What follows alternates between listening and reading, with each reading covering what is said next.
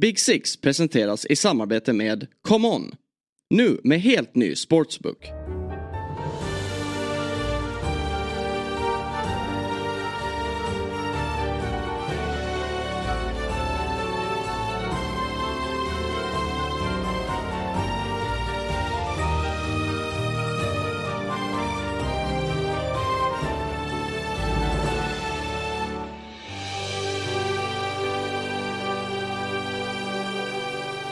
Hjärtligt välkomna till Big Six avsnitt 110. Det är den 5 oktober. Eh, idag sitter jag här, Viktor Enberg, som vanligt eh, får jag lov att säga. Men inte som vanligt eftersom att Karl Hultin inte är här. Men eh, vi har, jag har ändå lyckats fylla studion. Jesper Hoffman är här. Du missade ju måndagens avsnitt och då hoppade Kalle in så jag tänkte att det var en bra switch. Ja, eh, var lite krasslig i början på veckan men eh, har ju abstinens av att få prata Premier League-fotboll och allt som rör den. Så att det är jättekul att få komma in i torsdagsprogrammet. Mm. Och så har vi fint besök av Expressens Manchester City-supporter Petter Landén. Välkommen tillbaks. Tack snälla. Och på tal om abstinens så tog jag ju död på min egen podd. eh, Och har inte pratat engelsk fotboll i poddformat på jättelänge. Så ni kan hålla käften och bara låta mig hålla låda. För att jag, jag behöver snacka. Vi kanske bara går ut ur studion så låter vi Petter göra Tio sin timmars monolog. Ja, men eh, vi ska, det finns ju väldigt mycket att prata om idag. Det har ju spelats eh, Premier League i måndags som vi ändå behöver toucha i och sen såklart eh, Champions League både i tisdags och igår och det har ju hänt en del nyhetsväg också. Och så har vi ju ett stormöte till helgen då på söndag Arsenal-Manchester City så det är också därför lite du är här Petter och pratar upp den Jag trodde matchen. bara det var för att jag var ett trevligt sällskap. Men absolut, skönt att få den Du, fyller, motiveringen. du checkar i många boxar. Ja, tack. Ja, ja. Men eh, lite snabbt som, som vanligt ändå så ska vi, vi har ju tagit ut en veckans elva ur Premier League så vi ska gå igenom den lite snabbt. Det är faktiskt Kalle som ligger bakom den främst den här veckan så det, vi får helt enkelt eh, reagera på vad, vad han har plockat ut. Och det är en 3-5-2 formation. Sanchez, slips. Mm. Mm. Det är rimligt. Ja, tycker att han eh, inledningsvis har gjort det ganska bra ändå. Ja. Eh, får jag säga. Det är inte han som är Chelseas stora problem. Även om man så här när, när de sålde Kepa. Plockade väl in Sanchez. ut bara väl? Vad sa du? Lånade ja, ut. lånade ut. Mm. Lånade ut. Eh, men det känns som att han kommer nog inte tillbaka. Nej, Eh, men då blev man osäker på om det skulle eh, förstärkas eh, på den här positionen. Eller om man skulle satsa på Sanchez. Men det har man gjort. Och jag tycker som sagt att han gör en bra match här mot Fulham och har stått för en stabil inledning. Backlinjen, trebackslinje alltså. Ben White, Silva och Colwill. Så dubbla Chelsea. Kalle Mm. håller ju på Chelsea så han är kanske lite färgad i frågan här. Och man, man kan väl nästan unna honom att få in lite spelare för det har ju, det har ju inte, varit, det har inte radats upp segrar direkt. Nej, det här är ju Big Six, ett Big Six-lag. Vi har en torsk på City, vi har en torsk på Manchester United. Och då är det klart att vi oftast hittar spelare från vinnande lag. Och det fick ju äntligen Chelsea eh, göra då. eh, Vinna fotbollsmatcher. Och eh, Colwill, bra bakåt och väldigt fin eh, framåt också. Mm. Eh, Jag tänker på assisten här till Mudryk. Så att det finns inget att ifrågasätta där. Och hundraprocentig i sitt passningsspel. Typ. Oj, oj, oj. Jaha, Ja. ja. Underlying numbers. Mm. Talk dirty to me. ja, mittfältet då.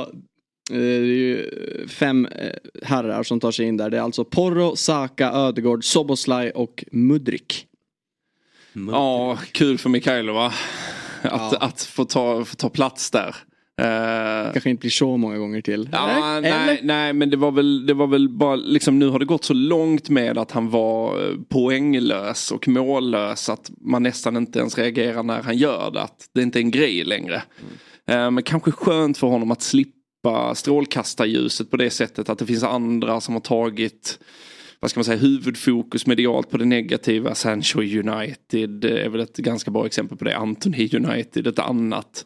Han bara kan smyga med i Poch, eh, Pochettino Chelsea och um, Väldigt kul, han, han la ut på Instagram igår Mudrik att han har fått en present av Ja. Pochettino, såg ni det? Ja, det var jävligt generöst av Pochettino att ge honom boken han själv skrivit. Verkligen.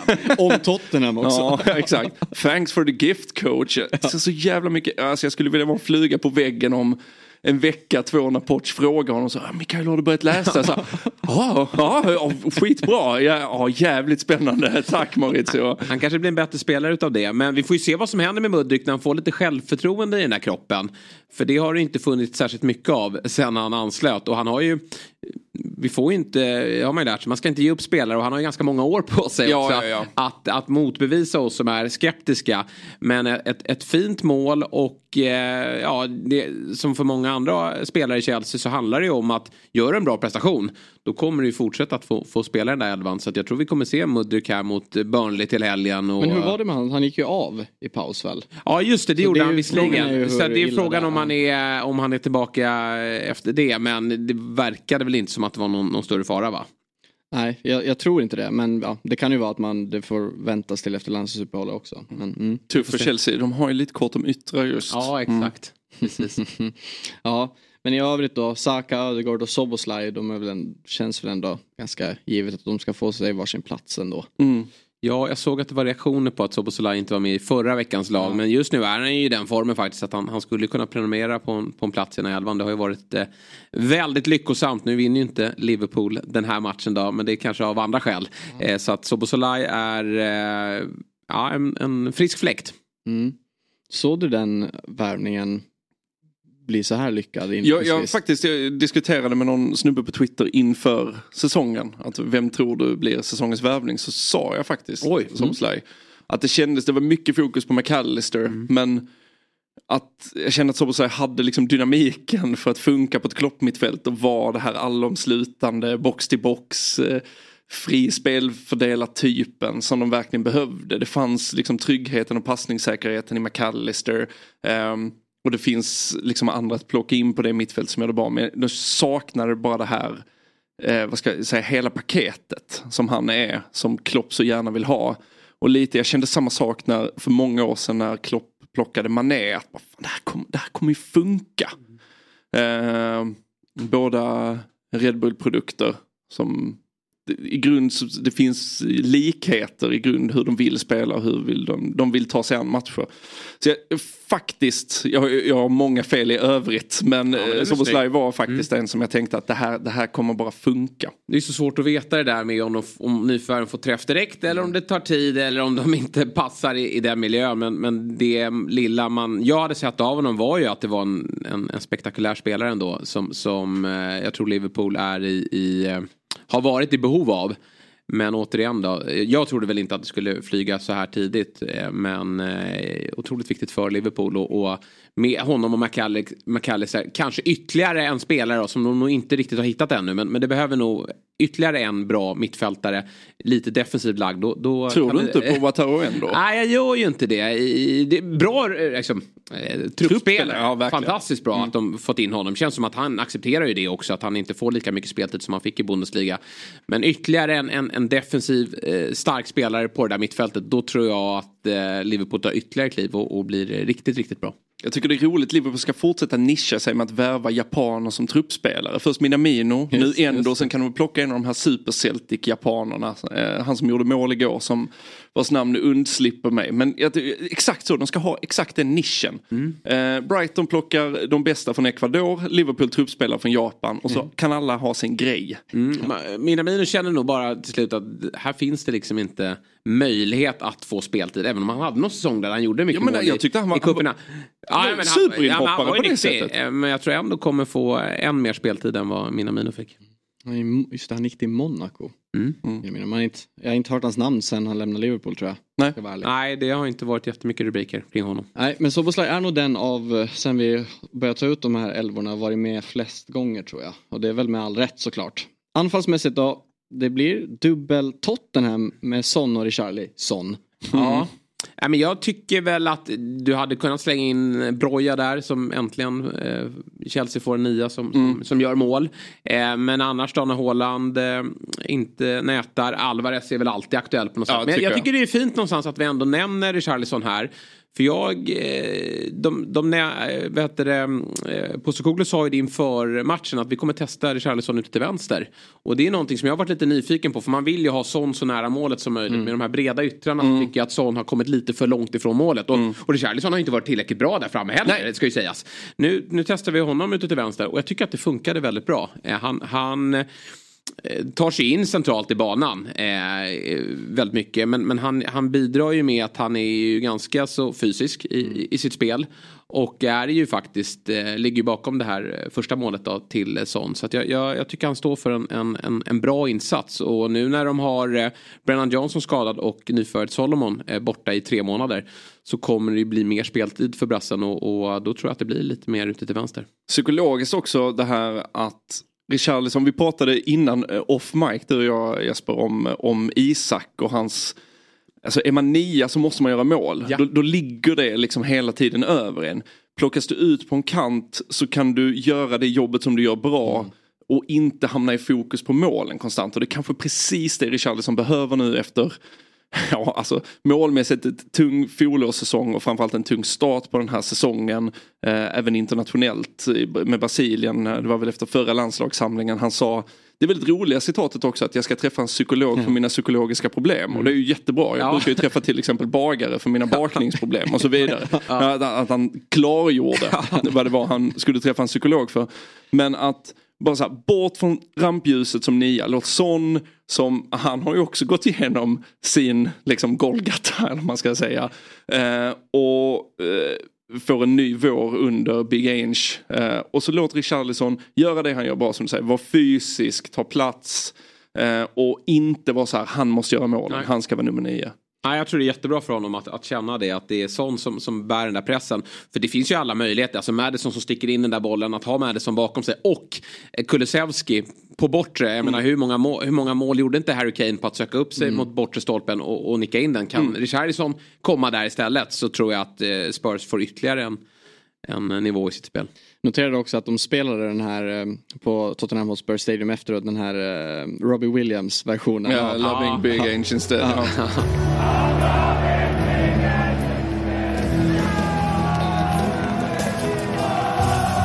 Det blev en sån grej.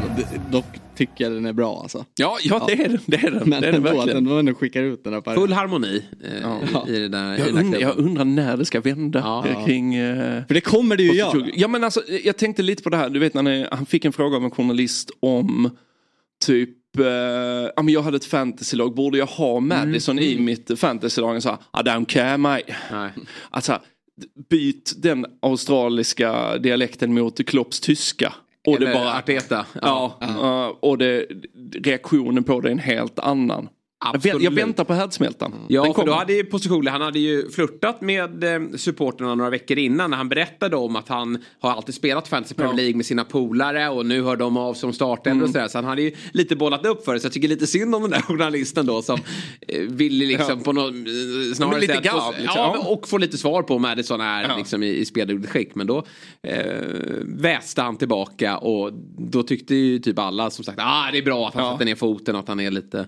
Ja men ändå det, det här avväpnande mates. Ja. För att vi har inte haft uh, australiensare i den här Nej. rollen i Premier League förut och det är nytt och charmigt fortfarande. Så Och jag ska säga, jag är också charmad. Jag är ju en del av uh, av supporterskaran till honom. Jag, bara, jag vet att det kommer vända någonstans. Absolut. Jag vet bara inte när. Nej.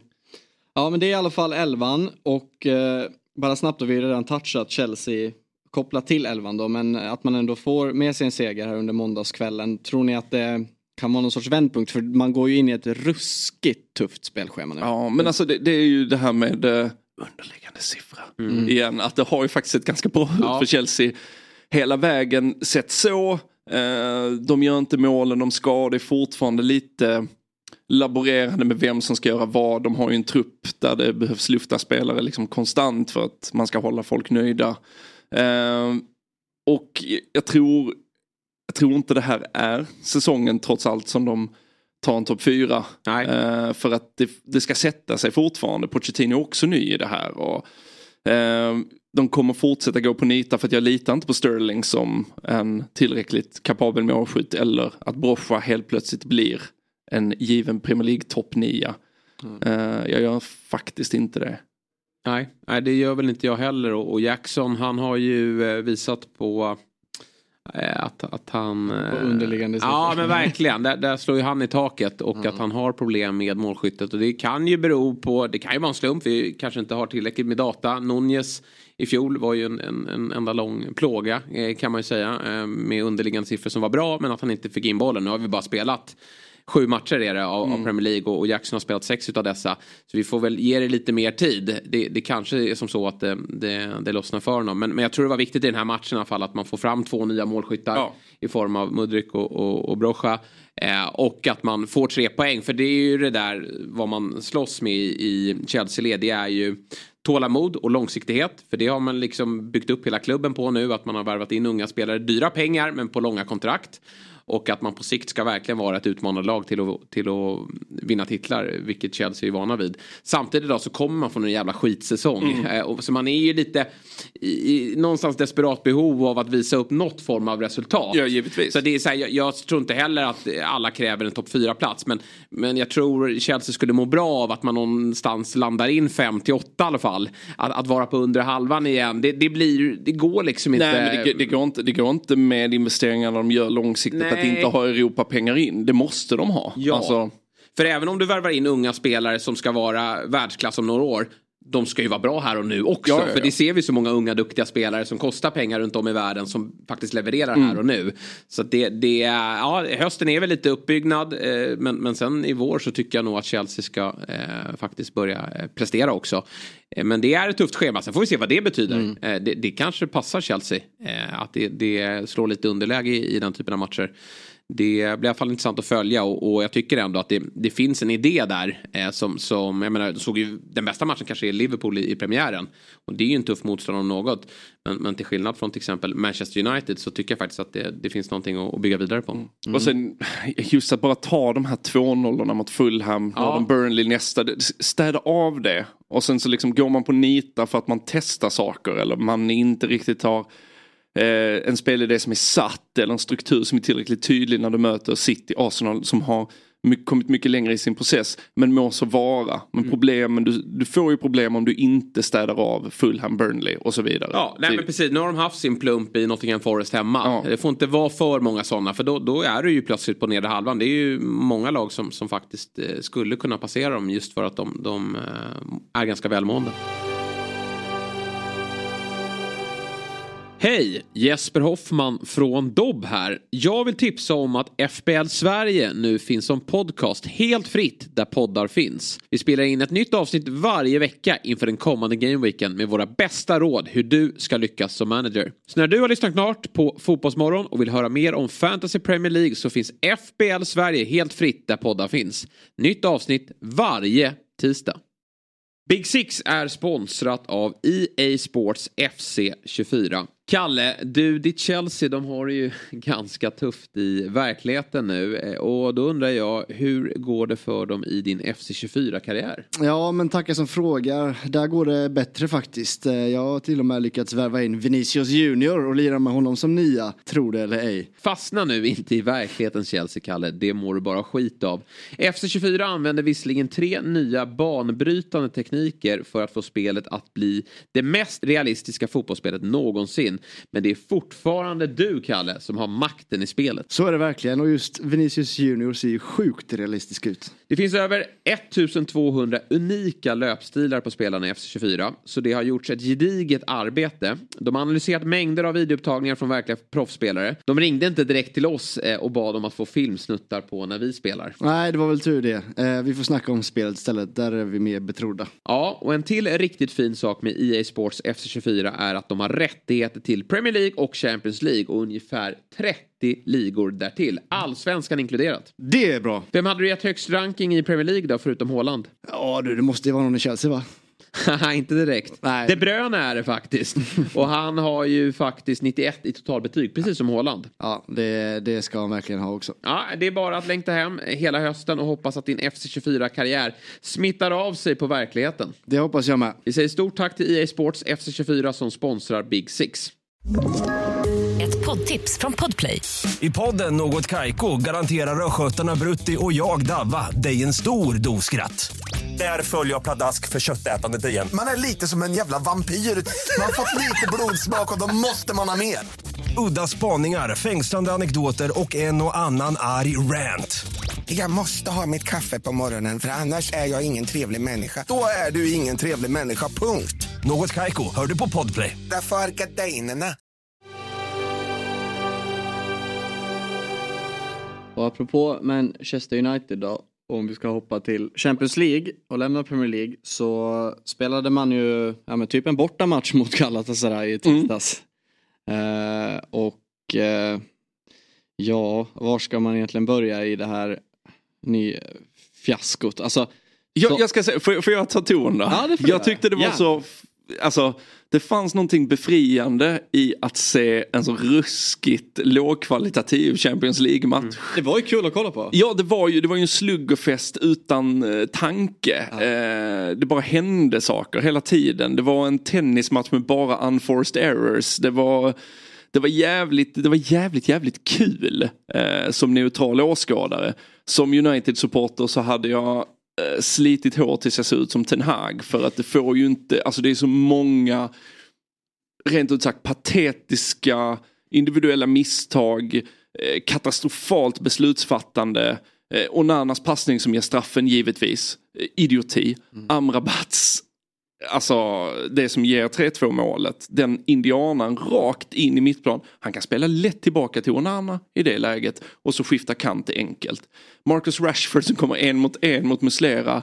Den passningen alltså. Och slår jag stod en... upp och skrek då. Släpp, släpp. Han skulle bara slagit den direkt. Mm. Men en, vet du, en, en, en anfallare. Ska han ska ha instinkten och bara smälla in den i mål. Ja. Det ska inte vara någon jävla diskussion. Nej. Det är så sjukt också på målet Höjlund gör. Den passningen är ju sjukt svår att pricka skallen ja. där. Alltså den är ju... Det är så snyggt. Ja, det är otroligt snygg passning. Och sen kommer han i ett betydligt lättare läge. Bollen på, liksom rullandes på mm. marken. Bruno så tydligt där. Men jag, jag, tycker också att i det läget, bomba där. Men ja, han men, har ju inte självförtroende. Nej, men där, där, har du ju skillnaden på instinkt och få lov att ja. tänka liksom. Och Rashford får inte lov att tänka just nu. Uh, alltså, grundkvaliteten finns ju där. Det har vi ju alla sett gånger tusen. Men det är ju hela United, jag har tänkt väldigt mycket på nu när Zlatan ska vara med i Piers Morgan att vi är ungefär ett år bort från Cristiano Ronaldos eh, beryktade Piers Morgan intervju där han tvingade sig bort från europeisk fotboll egentligen. Eh, men det var ju en del där han pratade om att återkomsten till United efter att ha varit borta så länge hur eh, underutvecklad klubben är infrastrukturmässigt. Mm. Ja han sa ju mer eller mindre att det såg likadant ut som 2003 när han kom ja, första gången. Ja och det är kanske där vi ser den verkliga effekten av, av Glazers. Att mm. Det görs ju fortfarande enorma investeringar i spelartrupp. Ja. Men de kommer ju också till en sovjetisk lagerlokal ja. Eh, och inte ett, liksom, en toppmodern fotbollsklubb. Och det tycker jag man ser på plan. Jag tyckte det var också väldigt befriande att höra Kim Källström i i Champions League-studion efteråt faktiskt inte kunna hålla sig när eh, Gusten bollade upp att ja men Höjlund är bra. Mm. Och då säger Kim, ja men han kommer ju snart bli dålig han också. Nej, och det är ju känslan. Ja, För nej, att jag... de kommer ju till en eh, så här, indiankyrkogården och Stephen King-roman där allting bara dör och blir fel. Mm. Nej, det är ju det United är. Det, det, de nyförvärven i fjol som var bra det var ju Martinez och, och Casemiro. Och, och, där börjar vi också se att den, den blomman börjar ju vissna. De blommorna börjar vissna. Och, och jag kände ju det med, hade en diskussion med en kompis med Höjlund. Jag sa det att det är helt omöjligt för honom att lyckas i den här miljön. Alltså, mm. Det här steget, sen förstår jag med Höjlund i att jag menar, spelar Atalanta och så hör United av sig. Mm. Med alla de möjligheter som finns Klubben där. Han har supportat som barn. Ja, men det, är liksom så här, det är väl klart att man, man hoppar på det tåget. Men, men ska man se i så här, vilken miljö han ansluter till så, så är det ju helt omöjligt att lyckas ja. över tid om det fortsätter så här. Och nu har han ju fått en kanonstart. Jag tycker han är ju verkligen det stora utropstecknet i den här matchen och, och någonting som United-supportrarna ska vara glada. Det, det är kanske det enda man kan vara glada för just nu.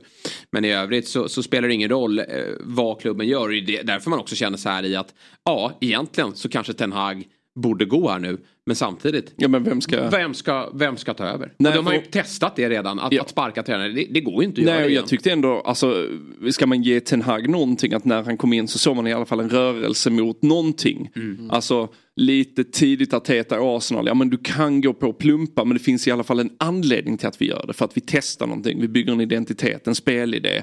Eh, någonting som ska vara över tid. Då tycker jag det är okej okay att göra misstag, att gå på eh, tunga förluster.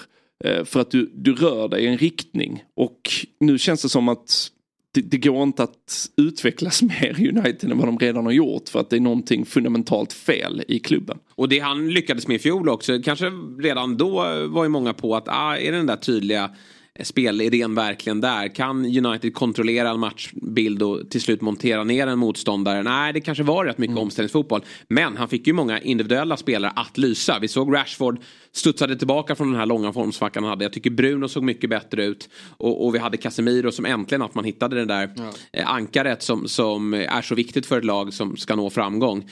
Men, men nu ser vi att alla de är liksom på väg neråt mm. igen. Eh, och, och det här med Rashford det är ju ett enormt problem och, och någonting som han han kan inte bara skylla på sin omgivning utan han Nej. måste ju ta tag i sig själv också. Men han ska ju vara ledarfigur i det här laget. Han, han ska ju leda det här laget mm. och inte gå och hänga med huvudet och, och vara eh, eh, inte så själv. Alltså när han får det där läget då ska ju han bomba in den och visa liksom att det är jag som leder det här laget. Det är jag som tar oss till, till tre poängar i, i, ehm, i den finaste av alla turneringar. Så att det, nej, det finns väldigt mycket att, att ta tag i. Och, och, Nana då. Det är också det problematiska med Ten Hag är ju att han har ju fått spelarna han vill ha. Ja, ja, alltså han har jobbat med de här spelarna tidigare. Och, och det här är ju, det går ju såklart att eh, skylla på och, och skrika mot Onana. Men framförallt då Ten Hag som vill ha den här eh, målvakten eh, som hela tiden ska rulla upp längs backen. Mm. Och uh, det straffar sig ju. Ja men det blir ju problematiskt. Alltså på så många sätt att de spelarna som man verkligen, verkligen har velat ha. Visst, Lisandro Martinez började väldigt bra förra säsongen. Det, det ska ju sägas. Men, ja, och haft skador nu så att han kanske ja, hittar tillbaka. Ja, exakt. Men, men, men två av de andra, vad ska man säga,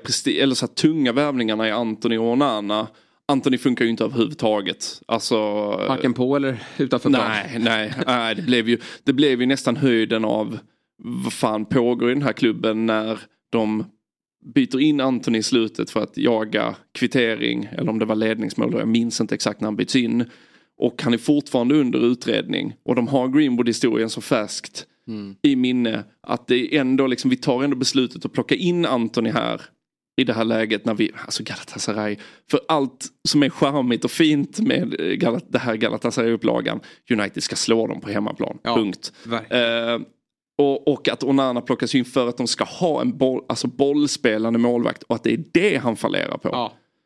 Han faller mm. på sina egna idéer. Ja. Han har ju klivit in som en, en, en ledare där imponerar. Han, alltså man blev ju imponerad hur han skötte Ronaldo-soppan ändå. För att alla vi utanför, vi, vi har ju sett en, en, en stjärna som har kanske sett sina bästa dagar. Och att han, han gjorde jätte, ett bra resultatmässigt då. Han gjorde många mål första mm. år. Men att han började liksom bli, bli sämre och, och, det var snyggt av, av Ten Hag mm. och han har tagit tag i, i, i Sancho-frågan på ett eh, bra sätt.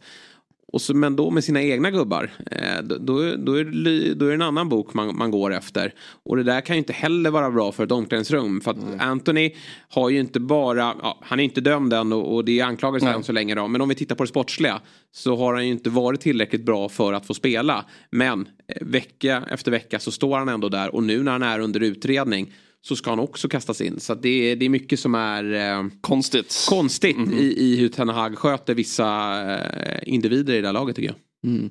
Och också det här med att man från ingenstans, jag menar när United gör 2-1 då känns det som att nu är det lugnt för man har ju skapat så mycket lägen, lägen, mm. lägen och det där Galatasaray som du säger, det är ett charmigt lag och det är mm. kul när de med jämna mellanrum gör sina satsningar och varvar in ja, spelar som Icardi. Oh, men, men, man, blir, ju... man blir så lycklig. Oh, Dries med! Ja. Den spelar in i handen. Fan vad fint! Ja. Menar, det, är ju bara, det, det, ska ju bara köras och ja. det läcker bakåt. Men United mm. kan ju såklart kan ju ta vara på det och sen läcker United på samma sätt. Det är ju helt, helt eh, frånvänt. Men det jag ska komma till och så sitter man där och ligger under och så bilden från, alltså utgående bild i sändning är ju, alltså helbildskameran så ser man bara hur återigen Martial står där och ska bytas in mm. än en gång. Mm. Att man fortfarande är kvar i det där. Alltså det är, alltså då, då tappar man bara allt. Alltså ja. det, jag vet, jag vet, inte vad jag ska säga, jag är så trött på det. Så mm. han står där med nian och ska hoppa in. Med det där kroppsspråket. Eh, ja. Det som också även eh, Rashford visar upp just nu. Mm. Annars tyckte jag vad som var roligt med den här matchen. Det var ju att Icardi missade straffen på samma sätt som när han fick den framspelad. Ja, han slog den exakt samma ja, ja, reklamskylt. Det tyckte jag var väldigt roligt. Det är dit bollen söker. Ja exakt. Men han, har, han har hittat, han har hittat en lucka.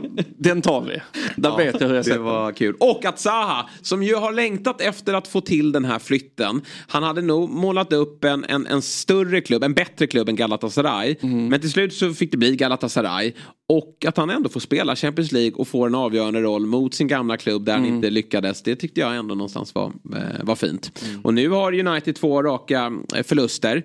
Det här är ju en jämn grupp. Och eh, de här, Bayern München kommer ju såklart ju segla de, det var iväg. ju bra att de vände Ja men det var det ju för alla United-supportrar såklart. Och Bayern München kanske tar 18 poäng i den här gruppen då. Vilket ju leder till att det kommer ju en, det lever ju för United men, men de behöver ju ta minst tre, tre vinster i alla fall. Ja men dubbelmöte mot FCK nu. Det är ju bara de sex poängen måste in om det ska finnas en tillstymmelse till chans. Och såg man FCK eh, mot Galatasaray och nu även hemma mot Bayern München. Det blir ingen lätt nöt att knäcka. Och de stärks ju, alltså att få möta Manchester United, eh, en av världens största klubbar. På Det är dekis. Alltså, de bästa, får ju, bästa klubb man kan möta. ja, det är ju så. verkligen det. Nej, det Men Höjlund har väl någon, han, han fick ju aldrig riktigt chansen i FCK. Nej. Underligt nog. Han, har ju- borde han ju vara man on tvilling- mission. Han har ju sina tvillingbröder där. Just det. Ja. Som inte får så mycket speltid. Tvillingbröder. Ja. Mm. Sa jag fel? Nej. Nej. Det, det finns ju någonting där. Men, men Höjlund, om vi ska ta något positivt återigen då. Jäklar vad intressant han ser ut. Ja, och det, vi, vi pratade om det här också off mic innan men att det är väldigt härligt på något sätt i den eh, samtida multirollsspelarfotbollen att centertankarna är så jävla fina att se. Alltså eh, rejält stycke danskt kött som när han spelar med ryggen mot mål så, så säger han till försvararen men ta dig förbi då. Tryck dig förbi mig om du kan. Och det gör de inte.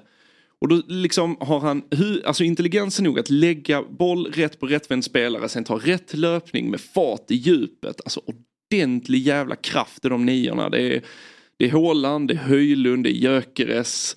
Den skolan, det, det görs inte lika många av dem längre. Så när de kommer fram så blir jag väldigt eh, både nostalgisk och glad. Ja, jag är också svag för den typen och jag tycker han visar upp och eh, liksom, ibland kan det ju bli det att när du har den där fysiken och farten att du när du kommer till mål så kanske du eh, liksom tappar avslutsförmågan, du tappar kylan i, i den typen av moment. Håland är ju expert på att eh, vara kylig när han tar sig till lägena. Men jag tycker han visar på det här målet som blir bortdömt. Eh, vilken Ja, snyggt eh, liksom, kyla han har inne i boxen också. Så att det där, Men också avslutet på andra målet. absolut. Ja. Otroligt bra hur han jävla eh, fart, rycker alltså. loss. Ja, han, nej, han det- Sanchez, han har inte chans. Nej. Eh, det är ju liknelsen med Haaland måste ju dras och... Eh, Det behöver ju bara göras mål i Premier League nu. Ja, det behöver det men han kommer ju få eh, spela. Det, det jag förstår inte varför Tenna, alltså sluta byta ut honom mot Martial eller liknande. Bara kör, Mm. låt honom spela 90 minuter varje match. Men han, han kom väl skadad? Jo, det du, kan vill ju finnas inte, någon... du vill ju inte gå Nej. full Arteta Nej. på Saka med honom. Nej. Nej. Nej, apropå det då. Ja. Att Arsenal för det första går och förlorar mot Lans. Mm. Mm. Och just eh, den här eh, speltiden han ger Saka. Eh, för Man pratar ju mycket innan där att man, man vann i första omgången enkelt. Man har en enkel grupp. Man kanske på ett sätt kan rotera en del och hålla sig fräscha i, i, i Ja, ligaspelet. det, och det fanns ju en, en helig match i Premier League där det fanns ett väldigt bra läge kan jag tycka att vila Saka. Ja. Eh, Bournemouth, eh, det har ju börjat väldigt dåligt under eh, deras eh, liksom Arteta på Wish. Eh, vad heter Ja? Iraola. Ja, Iraola. ja. De har ju verkligen bara så här, vad, vad, vad, är, vad är hipstergrejen nu? Ja men det är baskiska tränare, det är de vi ska ha. Ja. Nej men Eh, släppte Gary O'Neill som, som gjorde jag, det men jag, så vill, bra. jag, vill inte, jag vill in. inte vara Sam Allardyce så någonstans kan jag tycka att så här, ja men eh, liksom Gary O'Neill hade väl ett tak. Ja. Eh, och Iraola har väl ett högre tak. Men det har ju inte sett särskilt bra ut. Nej. Men det är ju ännu konstigare då med beslutsfattandet från Arteta. Givetvis har han fått grönt ljus av läkare och spelar själv. Alltså det är ju inte så att de säger att eh, ja, men han är skadad. Och Ja, Saka och- säger och- att jag kan nej, spela precis. och han kastar in honom ändå. Men likväl, lång säsong, tillbaka i Champions League. Du måste agera smartare. Ja. Och då vet det ju jag, finns så bra ersättare Ja men nu har han ju fått bredden. Alltså Arteta Ja. fick ju bredden här i somras. Det, är alltså, tanken är ju att han ska kunna spela Enketia, han ska spela Nelson som alltid Ja. är bra när han får speltid. Smith Rowe finns där, så det går ju att laborera med ja, du kan slänga in Trossard. Ja, ja. ja. men verkligen. Så att, eh, det, det finns ju möjligheter att, att spela med, med olika typer av uppställningar här och, och Saka verkar ju han har ju hållit hittills, han har ju spelat väldigt mycket matcher. Mm. Men just, och nu vill ju Arteta gå ut och säga han ångrar inget och det här är en annan typ av skada. Mm. Ja men det hänger ju ihop eh, såklart. Att, och att du får en muskelskada är ju oftast ett tecken på att du är sliten. Nu, nu fick man ju höra att han kanske ändå kan komma till spel på söndag. Mm. Och det är ju klart att visa Saka att han, alltså kan han gå? Ja. Då, då står han ju där 17.30 Ja. eh, på, på söndag och spelar den där matchen. Men det är, nej där behöver faktiskt Arteta lära sig hur han matchar den där truppen om, om det ska eh, hålla över tid. Ja, och han, jag vet ju också att han har ju varit understudy till Pep i eh, City i många Ja. år. Och han såg också missen som Pep gjorde med David Silva i slutet av hans karriär när Pep inte litade på någon annan att ha de egenskaperna. Det fanns ju ingen annan som hade David Silvas egenskaper men ändå spelade de matcher där det inte riktigt behövdes. Och mot slutet så fanns det ingen gas kvar i David Silva. Eh, och då gick de på nitar i Champions League. Då gick de på nitar eh, den säsongen som Liverpool vann och så vidare. Eh, och det, Arteta borde ju ha tagit lärdom av det. Jag tycker att det är, Jag det är det, dumt. ja, men jag tycker man har sett det på Salah också. När han får spela för mycket. Och han har ju inte dragit på sig några skador. Och han ser ut att de bilder man ser på honom att han verkligen håller fysiskt. Men, men det kan vara klokt ibland faktiskt att, att låta eh, spelarna vila lite här och där. Ja men mentalt också. Snacksen apropå Salah var ju efter Afcon när han kom tillbaka och spelade dagen efter, typ dagen efter de hade förlorat en final. Precis, det Ja, nej, men de, det, det, är ju, det är ju människor det här och det är 60 matcher på en säsong. Du, liksom, oavsett fysisk trim du är i så behöver du perioder där du sitter lite vid sidan av, inte har rampljuset på dig. Eh, bara och alltså ett bortamatch mot Bournemouth, att inte ta den möjligheten att vila en spelare som Saka. Nej, i synnerhet då när, när årets kanske viktigaste match då, stundar Ja. helgen därefter. Mm. Så det, det fanns verkligen utrymme att, att vila honom. Men ja, vi får se då hur, hur allvarlig den här skadan är. Och lite jobbigt ändå att de förlorar här. För det, det gör ju att, jag tror att Arsenal när de fick lottningen, ja men här kan vi nog vara klara Ja. inför omgång 5-6. Och det kanske är det så han har resonerat att jag, jag tar vilandet längre fram. Ja. Han har satt sig i en lite kämpigare situation. Så kan det vara. Vi fortsätter att boosta hypen inför helgens omgång av Premier League tillsammans med vår nya partner ComeOn som precis lanserat en ny sportsbook med riktigt grymma odds. Och Kalle, det är du som har ett spel idag. Du får fortsatt förtroende efter början av veckan. Champions League-spelet satt. Ja, ruskigt skönt och eh, nu sitter man med en, med en skön känsla inför nästa lapp. Eh, lite, lite skön, eller bättre självförtroende. Och eh, då tittar vi till helgen såklart. Där Brighton ska ta emot Liverpool som åkte ju på en ruskig jobbig torsk eh, senast mot Tottenham som alla så mycket väl vet om. Eh, så här studsar de tillbaka helt enkelt och eh, ni får liksom en Liverpool rak vinst till 2-18 vilket jag tycker är väldigt bra. Vi går vidare till stormatchen i helgen, Arsenal mot Manchester City, där jag tror att City inte förlorar matchen, utan oavgjort eller Manchester City och att båda lagen gör mål till 2-15. Sista på trippen, vi har varit inne på hörnspel tidigare här och i matchen Wolverhampton mot Aston Villa så spelar jag att Aston Villa vinner hörnmatchen till 1,79. Alltså att de får fler hörnor än Wolves. Och tillsammans blir oddset då totalt 8,38 för den här trippen på common.com. Och kom ihåg att ni kan enkelt rygga oddset genom att kika in på Big Six Twitter-konto där vi publicerar det. Så det är enkelt att hitta trippen helt enkelt. Och kom ihåg att man måste vara minst 18 år för att få spela. Och upplever du problem med ditt spelande så finns stödlinjen.se till hands. Vi säger tack till ComeOn som är med och möjliggör Big Six.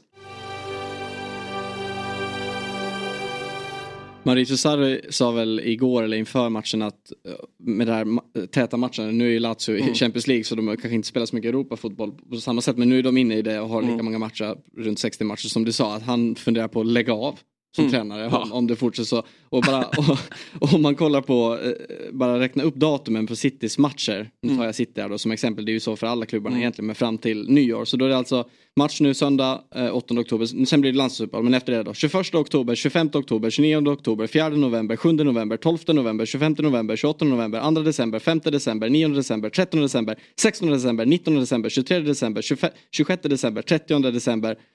Ja, och sen är det lite paus där. Mm. Och, och, grejen, och, grejen, och grejen är att City är inte klubben du ska tycka synd om i det läget. Nej. För de har ju varit i den här situationen länge. De lägger pengar på en spelartrupp som ska ha spets i bredden. Men däremot, alltså klubbarna som kommer in och vill vara med och tävla i Champions League som Lazio. Mm. För, för dem är det inte möjligt, de, den ekonomin finns inte i Serie A att bygga en trupp som pallar det. Alltså eh, Superligan Premier League, toppskiktet där, de kan ju faktiskt bygga trupper som är tillräckligt bra för att hålla. Men alla andra, jag, jag, jag tror Sarri kallar det för att de skickar spelarna till ett slakteri. Eh, och ja, mer eller mindre så Nej, men- är det ju faktiskt det som sker. Ja men verkligen, för jag tänker mig så andra mm, klubbar ja, men som, som kanske är, ja, men som Porto, de, de kan ju ha en, en skitmotståndare till helgen och, och snurra hela laget. Men Lazio vill ju vara konkurrenskraftiga dels i Champions League och i Serie A. Och då gör det ju att det, är ganska stor skillnad också på, på elfte spelare och, och sextonde spelare. Ja, så det, är, det är svårt att, att hålla igång rotationen. Men Premier League-klubbarna har inte så mycket att skylla på. Där, där tycker jag att det finns en, en bredd eh, som, som gör att de kan eh, snurra lite mer. Och då får det ju vara i Bournemouth borta. Det, det är ju ett perfekt eh, läge Ja, att- och, det, att och det, precis storstjärnan. landar vi i det att hur kan du ta beslutet att låta Saka spela den matchen? Som han klev av skadad, var tillbaka på träningsplanen och sen då linkar av här nu då med muskskada. Ja, det är ju samma sak som om man bara ska ko- återkoppla till United och hela den här Lisandro Martinez grejen. Han var ju också fotskadad. Och jag menar, han skadade ju sig redan i, i våras och opererades och var borta länge. Kom tillbaks nu och så, så har han tydligen då spelat på smärtstillande hur länge som helst. Och bara dragit på det här och tills det blir ännu värre och nu blir han borta en längre period istället. Det är ju bara hjärndött. Ja, de ber om problem. Ja. Leipzig 1, Man City 3 Petter. Får en minut. Bara en? De vill ha tio timmar. Ja, eh, Pep, Pep var väldigt, väldigt nöjd efter den här matchen och jag förstår honom. Eh, gruppen eh, som City fick så var detta den enda faktiskt svåra matchen. Eh, att utmanövrera Leipzig på bortaplan. Eh, dynamiskt, eh, fartfyllt lag. Som kan eh, såra på kontring, vilket vi såg i Opendas mål. På samma sätt som Wolves kunde såra City på kontring i ligan. Eh, och Pep var inne på det att, att spela öppet mot de här är att be om att bli straffad. Eh, och det gjorde de inte. De lärde sig lite av de missarna de gjorde mot Wolves tyckte jag. Um, kontrollerade matchen på ett bättre sätt och, och fick ju ett mål emot sig men var tillräckligt starka för att städa av Leipzig. Eh, och att få den här borta trean var precis det Pep ville ha. Att då dessutom Bernardo Silva tillbaka in, Rico Lewis gör en jätte, jättefin match, Grealish får minuter efter sin skada. Ehm, Halvares kommer in och gör ett sånt här mål. ja, men Alvarez är Ja. fantastisk. Shit ändå, för man har ju inte... Tänk vad det måste finnas spelare som har den där foten och kan kliva fram och ta frisparkar som aldrig får chansen i sådana lag. För det finns sådana utpräglade skyttar. Och nu att han bara klev in den här säsongen och... Ja, otrolig. Ja, ja nej, men det är Ag- Agüero-eskt eh, Ja. med eh, tillslaget. Det är jävligt fint att se. Ja, han är fruktansvärt bra. Jag eh, inför säsongen började ju spekulera i vad, vad ska Alvarez gå för att få den speltid han förtjänar. För jag trodde inte att City skulle lösa det här. Att få in honom i laget. Pep skulle kunna ge honom lite speltid här och där.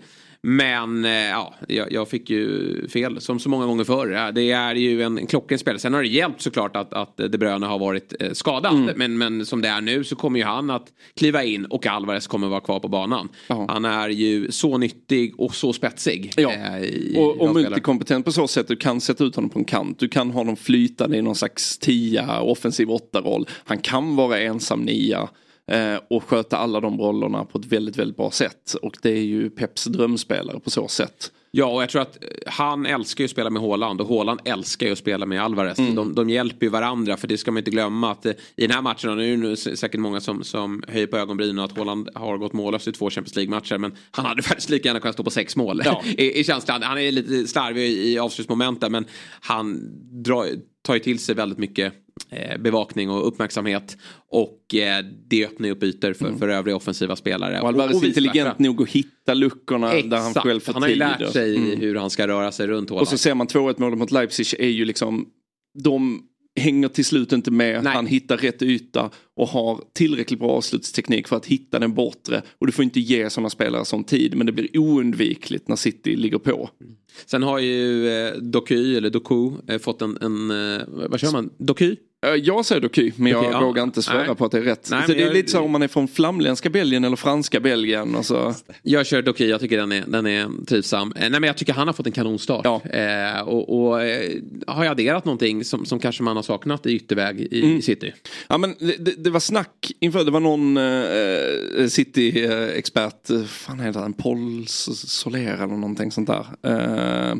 Som, han, han har väldigt bra koll på City i alla fall, som pratar om att det Pep helst vill värva, Det är de bästa generalisterna som man kallar det. Jude Bellingham kan allt. Ja. Och kan eh, appliceras på flera olika positioner. Det är de han vill ha. Josko Guardiol kan egentligen spela mittback, ytterback, defensiv mittfältare. Perfekt, det är den spelaren han vill ha. Kan han inte få de bästa generalisterna som eh, men Bellingham gick till Real, Rice valde Arsenal för Rice har också det här att han kan väldigt många olika saker, kan sätta sig i olika roller på planen. Då vill han värva de bästa specialisterna och ge dem den uppgiften. Och Doky är liksom precis det. Han Mm. är en eh, ganska klassisk ytter på så Ja. sätt. Slå sin gubbe, eh, vinna den duellen och skapa yta, hålla bredden. Eh, Matteus Nunez är en sån också, pressresistent. Eh, gå med boll genom linjerna snarare än att liksom sätta passningen. Ehm, så att när han inte kan få det ena i det ena spektrat så tar han dem liksom längst ut i andra spektrat och ger dem specifika uppgifter. Och då funkar ju jättebra i det, tycker jag också. Det är en ganska okomplicerad roll, Ja. eh, men han gör det han ska på ett väldigt, väldigt bra sätt. Oerhört jobbig för motståndarna när, liksom, när, när Pep slänger in honom. Alltså, Ja, så här, dels spetsen men fysiken också. Den här Kanske- låga tyngdpunkten Ja, och det bara sticker. Det är, jag älskar att se på det. Det kommer Man ju... själv som är reslig har aldrig haft det där. Alltså. Nej, det är inte direkt nära. Men eh, nej, det där är som många andra värvningar en, en klok eh, eh, lösning från Peps sida.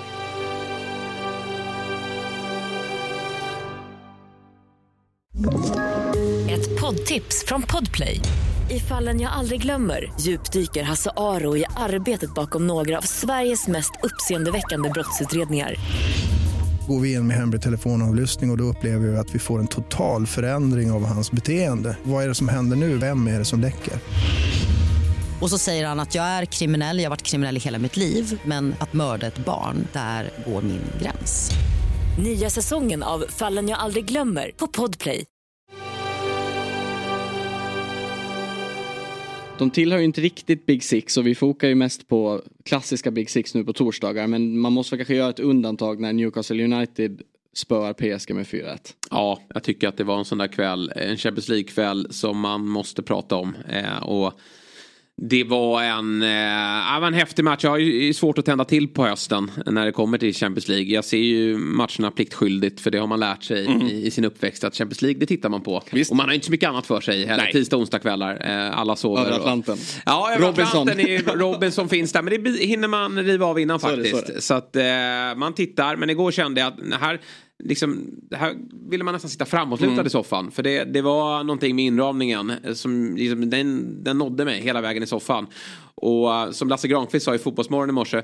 Det är ju, det är ju, det är svårt att gå runt till varje Newcastle-supporter på den här läktaren och berätta att glöm inte att det är smutsiga pengar som ligger bakom det här.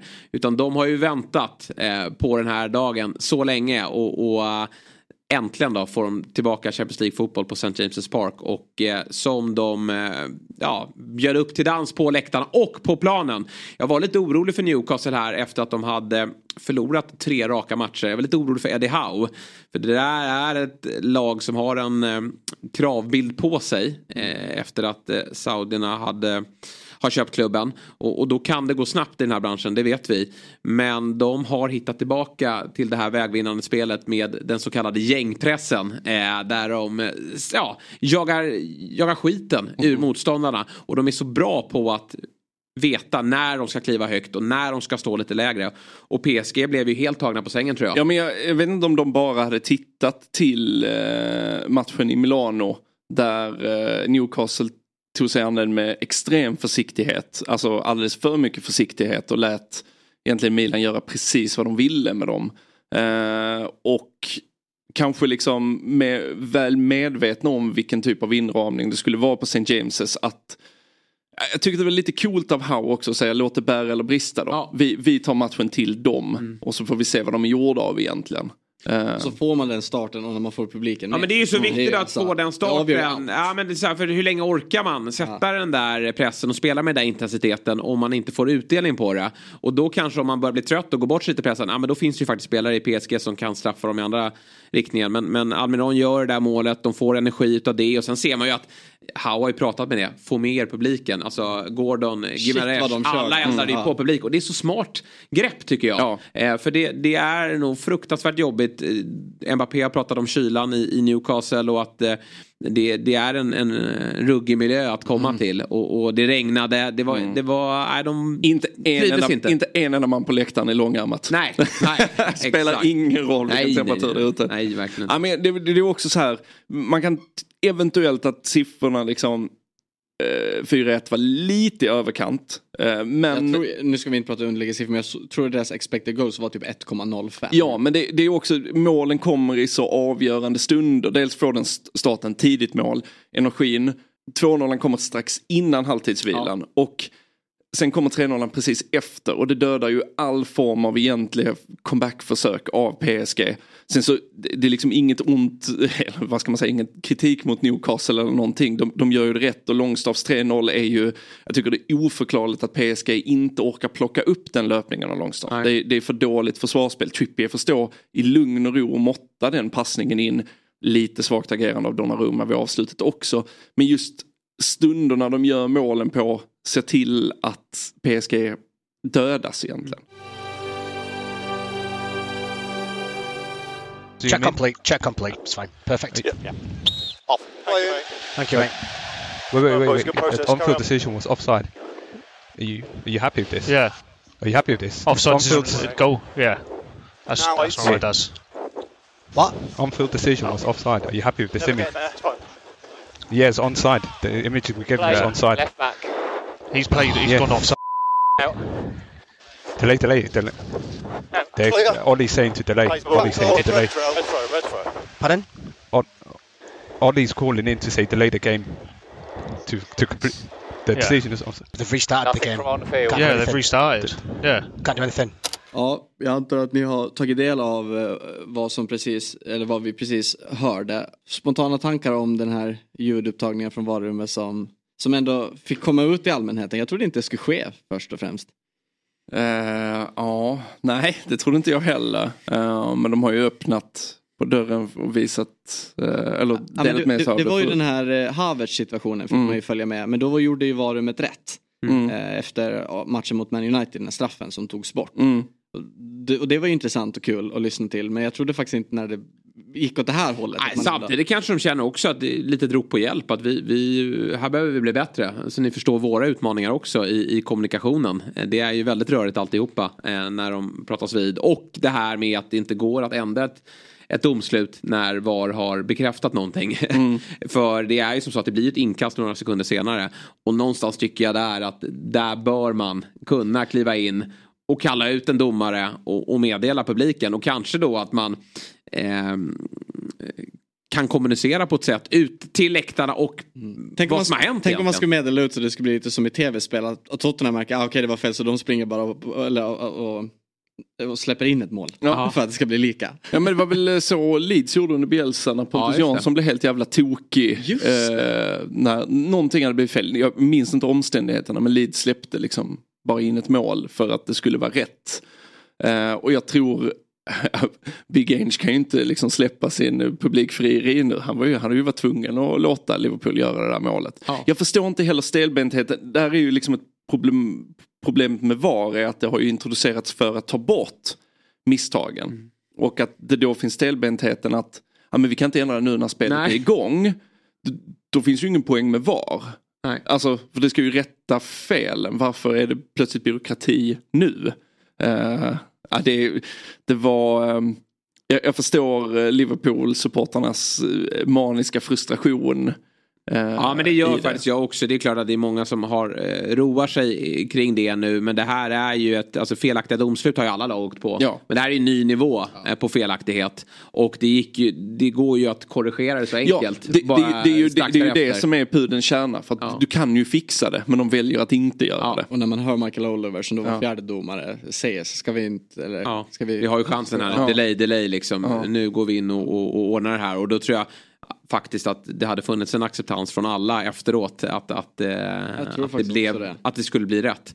Men eh, ja, eh, irriterat. Men Liverpool måste ju släppa det här nu. Det, det är liksom, återigen, det är ett felaktigt domslut. Det blir inga omspel. Det blir inga omspel. Eh, oavsett vad, vad Nej, Klopp det, vill ha. Den, på, på samma sätt som att liksom PG, MOL eller vem det är som ansvarar för det öppnade på dörren att släppa var eh, samtalen när de gjorde det vid, liksom där de hade gjort rätt. Så de, då måste de ju även visa upp när det blir fel. Mm. Eh, Skulle man öppna på den dörren att det kan bli omspel vid felaktiga domslut. Då har du ett slutande plan av Guds jävla nåde. För var drar du gränsen? Jag, jag, jag håller med Klopp i det här att ehm, det, det blev så matchavgörande för att Spurs gör mål direkt efter det här också.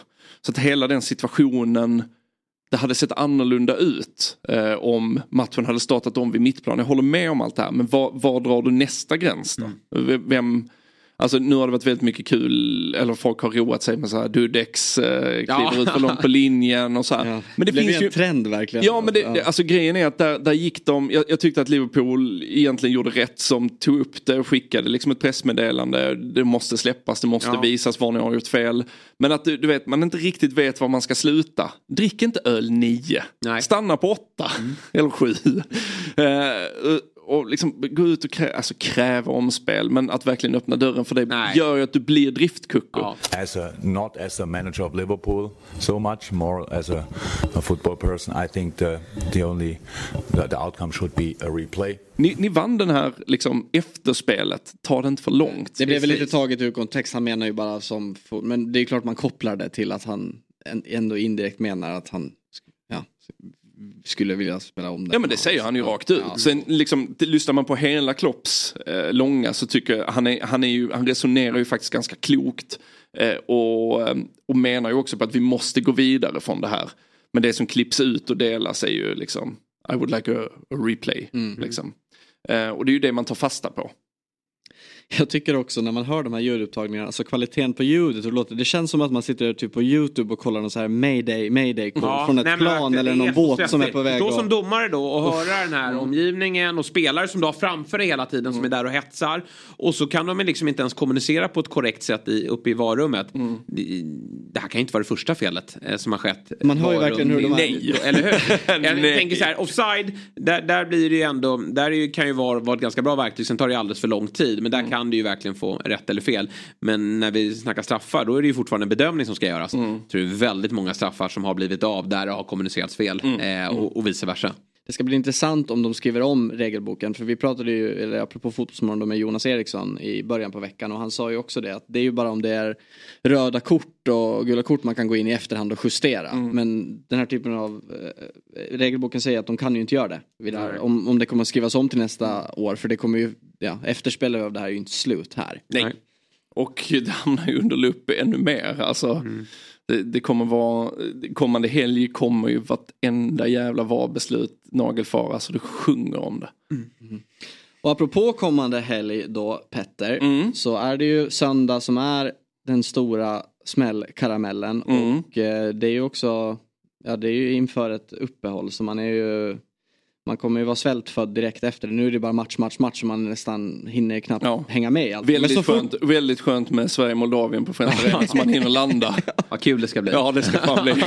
Matchen kommer inte hinnas blåsas igång så kommer man bara vara trött på den då. Jag tänkte, jag tänkte verkligen på det, så förlåt sidospår men uh, Jannes landslagsuttagning om det var igår. Ja, det var igår, tror jag, ja. Att fan vad jag respekterar att han dör som han har levt. Ja, Marcus ja, men Rodén ska med i den här truppen. Kosta vad det kostar. Och Filip Helander är tillbaka. Big Eh, Phil. Det var stora, i näst, efter 560 dagar. ja, näst jumbon Odense, han har gjort succé där.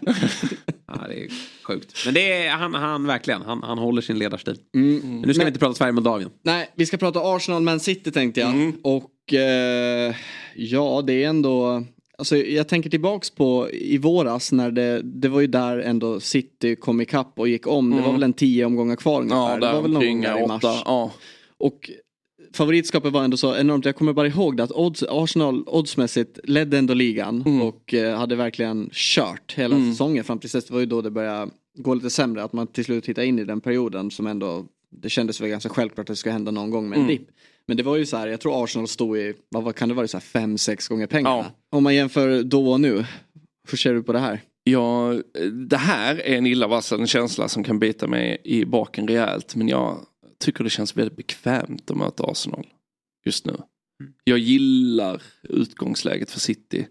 Alltså tittar du poängmässigt, ja nu inkasserar City en förlust och det är en poäng som skiljer dem åt i tabellen och antal gjorda, antal insläppta är ganska likartat. Men det jag sett av matcherna så här långt så är jag långt, långt, långt mer imponerad av vad det är City har presterat kontra det Arsenal har presterat. Eh, Rodri borta är det svaghetstecken jag ser i City och hur de ska lösa mittfältet på bästa sätt. Det är, Hur vill du att man ska ställa upp? jag är fan inte riktigt säker själv om jag ska vara ärlig. Jag kanske hade velat trycka upp typ Guardiol i en hållande mittfältsposition för hans defensiva egenskaper. Um, Kovacic tror jag inte skulle göra en lika svag match som han gjorde mot Wolves igen om han får förtroendet. Men det är klart, det är nöten att knäcka för City. Likväl, stor, stort frågetecken kring Bukayo Saka. Jag är faktiskt inte överdrivet imponerad av Arsenals prestationer så här långt det här året. Och även om det är på Emirates och ett sånt fruktansvärt bra läge för Arsenal att ta någon slags kommando så är det ju plötsligt pressen på dem igen. Och det handlar om att hantera det och där litar jag mycket mer på City och Pep att fixa det. Jag, jag tror City går och vinner det här. Och det är ju någonting igen när det är Arteta mot just Pep också som Mm. han ändå vill han, han vill ju också vara lite, lite konstig och hitta Ja. på egna nya grejer likt Pep hela tiden. Mm. Så, ja. Ja, säger vi, alltså, Arsenal har ju tagit kliv varje säsong tycker jag. I år är för tidigt att säga om de kommer ta kliv. Men ett sådant kliv är ju att slå City. Ja, det måste de göra. behöver göra Hem- hemmamatch mot City ska du vinna hemma- då. Verkligen. Och, och nu kan man ju säga då att eh, Rodri är out. De Bruyne är ju out. Han var ju också bra i de här mötena och är en, en världsklasspelare. Så att det, Arsenal har ju också sina skador och sådär. Eh, och framförallt då, eh, osäkerhet kring Saka. Och skulle inte han komma till spel så är det ett jättestort avbräck. Men eh, här behöver Arsenal kliva ut och, och åtminstone ta en poäng. Gärna Nej, alla tre. nej, jag, jag, tycker, jag, allvar. ty- jag tycker de ska ta tre om, Ja. de, eh, om de ska fortsätta ta kliven som du pratar om. Och, och att ha den...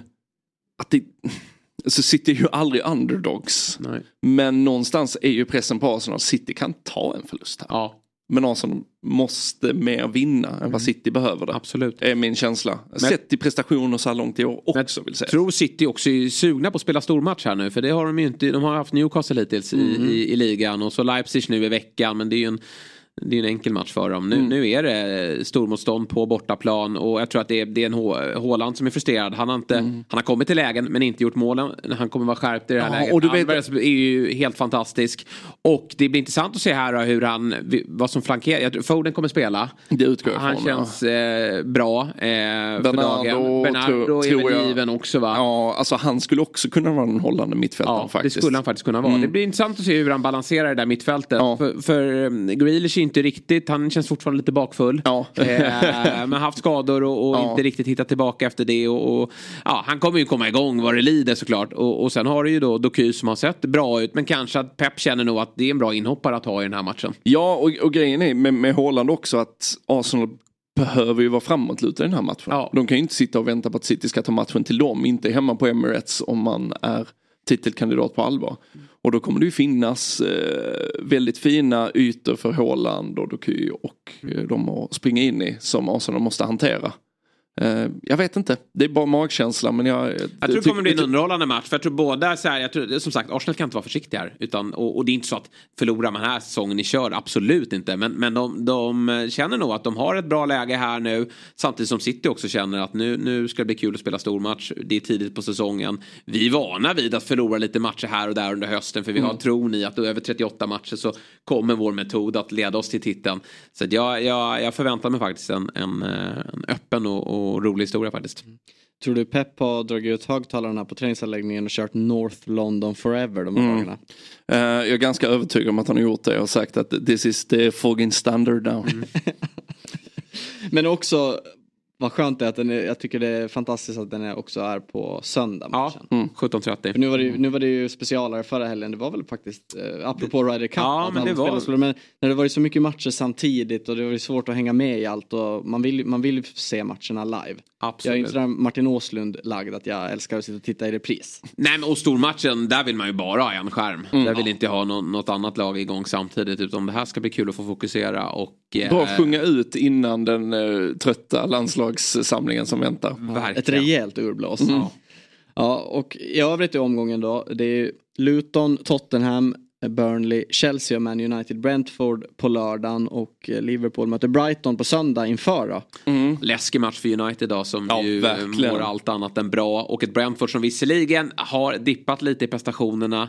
Men de gillar ju den här typen av uppgifter. Att, att eh, stå lågt och ställa om. Har ju Mm. omställningsspelare och tycker också, precis som alla lag nu, att det är kul att komma till Old Trafford. Så det är, en, det är en fullständig mardröm för United. Men de behöver verkligen ta en trea här. Så att de kan kliva in i landslagsuppehållet. Förlust här.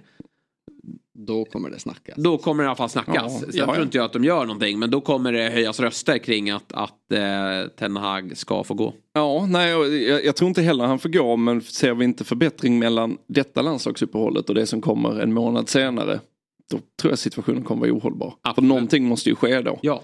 Jag är lite nyfiken på hur Brighton ska svara efter sin eh, Efter att ha blivit fullkomligt demolerade av eh, Unai Emerys Aston Villa. Det kan ju glömmas bort lite ändå. De ska ju möta Marseille ikväll ju. Mm. Eh, Gattusos Marseille.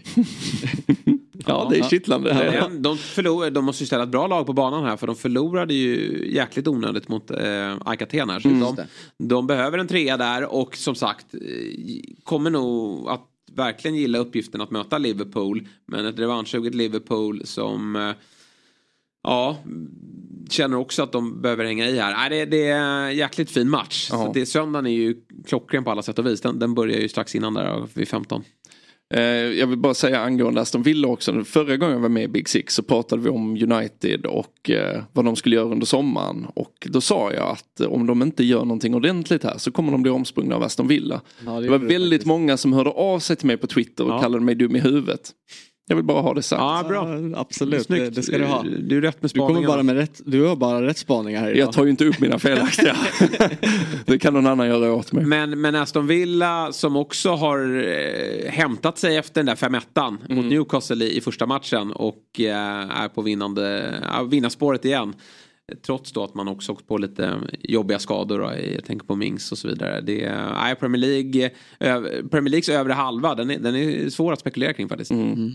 Ja, vilken helg vi har framför oss och innan den ikväll faktiskt så har sänds det ju ut en intervju hos Piers Morgan också Mm. med Zlatan Ibrahimovic. Ska ni sitta bänkade 21.00? Jag, jag, ko- ja, jag kommer nog göra det men jag tror jag kommer lämna besviken på något sätt. Jag tror det kommer vara mycket av the same. Zlatan uncensored kommer ju vara Zlatan som Zlatan vill framstå. Det har vi ju hört honom säga saker förut. Och om trailern är någonting att gå av så Ja, Gusten Dahlin uttryckte det väldigt bra när han skrev att det börjar bli- gå lite hack i den här skivan va? Nej, man är ju trött på Gud och lejon och så vidare. Det hade varit kul med en annan eh, Zlatan som sätter sig där. Men det, det kommer vi inte få se. Jag tror man, man kan nöja sig med att se de här klippen som Piers Morgan själv kommer att, att släppa ut då på Ja, eh, och det kom ju, det har ju kommit ut ett klipp när, när Piers Morgan frågar, när de pratar om Man United och Ten Hag, tycker jag också är lite konstigt på ett sätt, för han har ju inte ens någonting med det att göra. Zlatan. Nej, precis. men det är väl eh, Ronaldo Ja, ja men uh, hur han verkligen bara vinklar frågan då, Piers Morgan, när han frågar apropå Ja men han tar ju upp Ronaldo-grejen Mm. såklart och så väver han in med Sancho och det ser ut sådär. Då tycker jag ändå det var bara så skönt att höra att Zlatan mer svarar på ett bra sätt faktiskt. Mm. Att jag har ingen aning för jag är faktiskt inte, jag är inte inne i det. Nej. Så ja. Lite vettiga svar kanske vi kan förvänta oss också Mm. då. Ja, vi hoppas det. Tack så mycket för idag. Tack själv. Big Six är tillbaka som vanligt på måndag för att prata ner helgen. Vi ses då.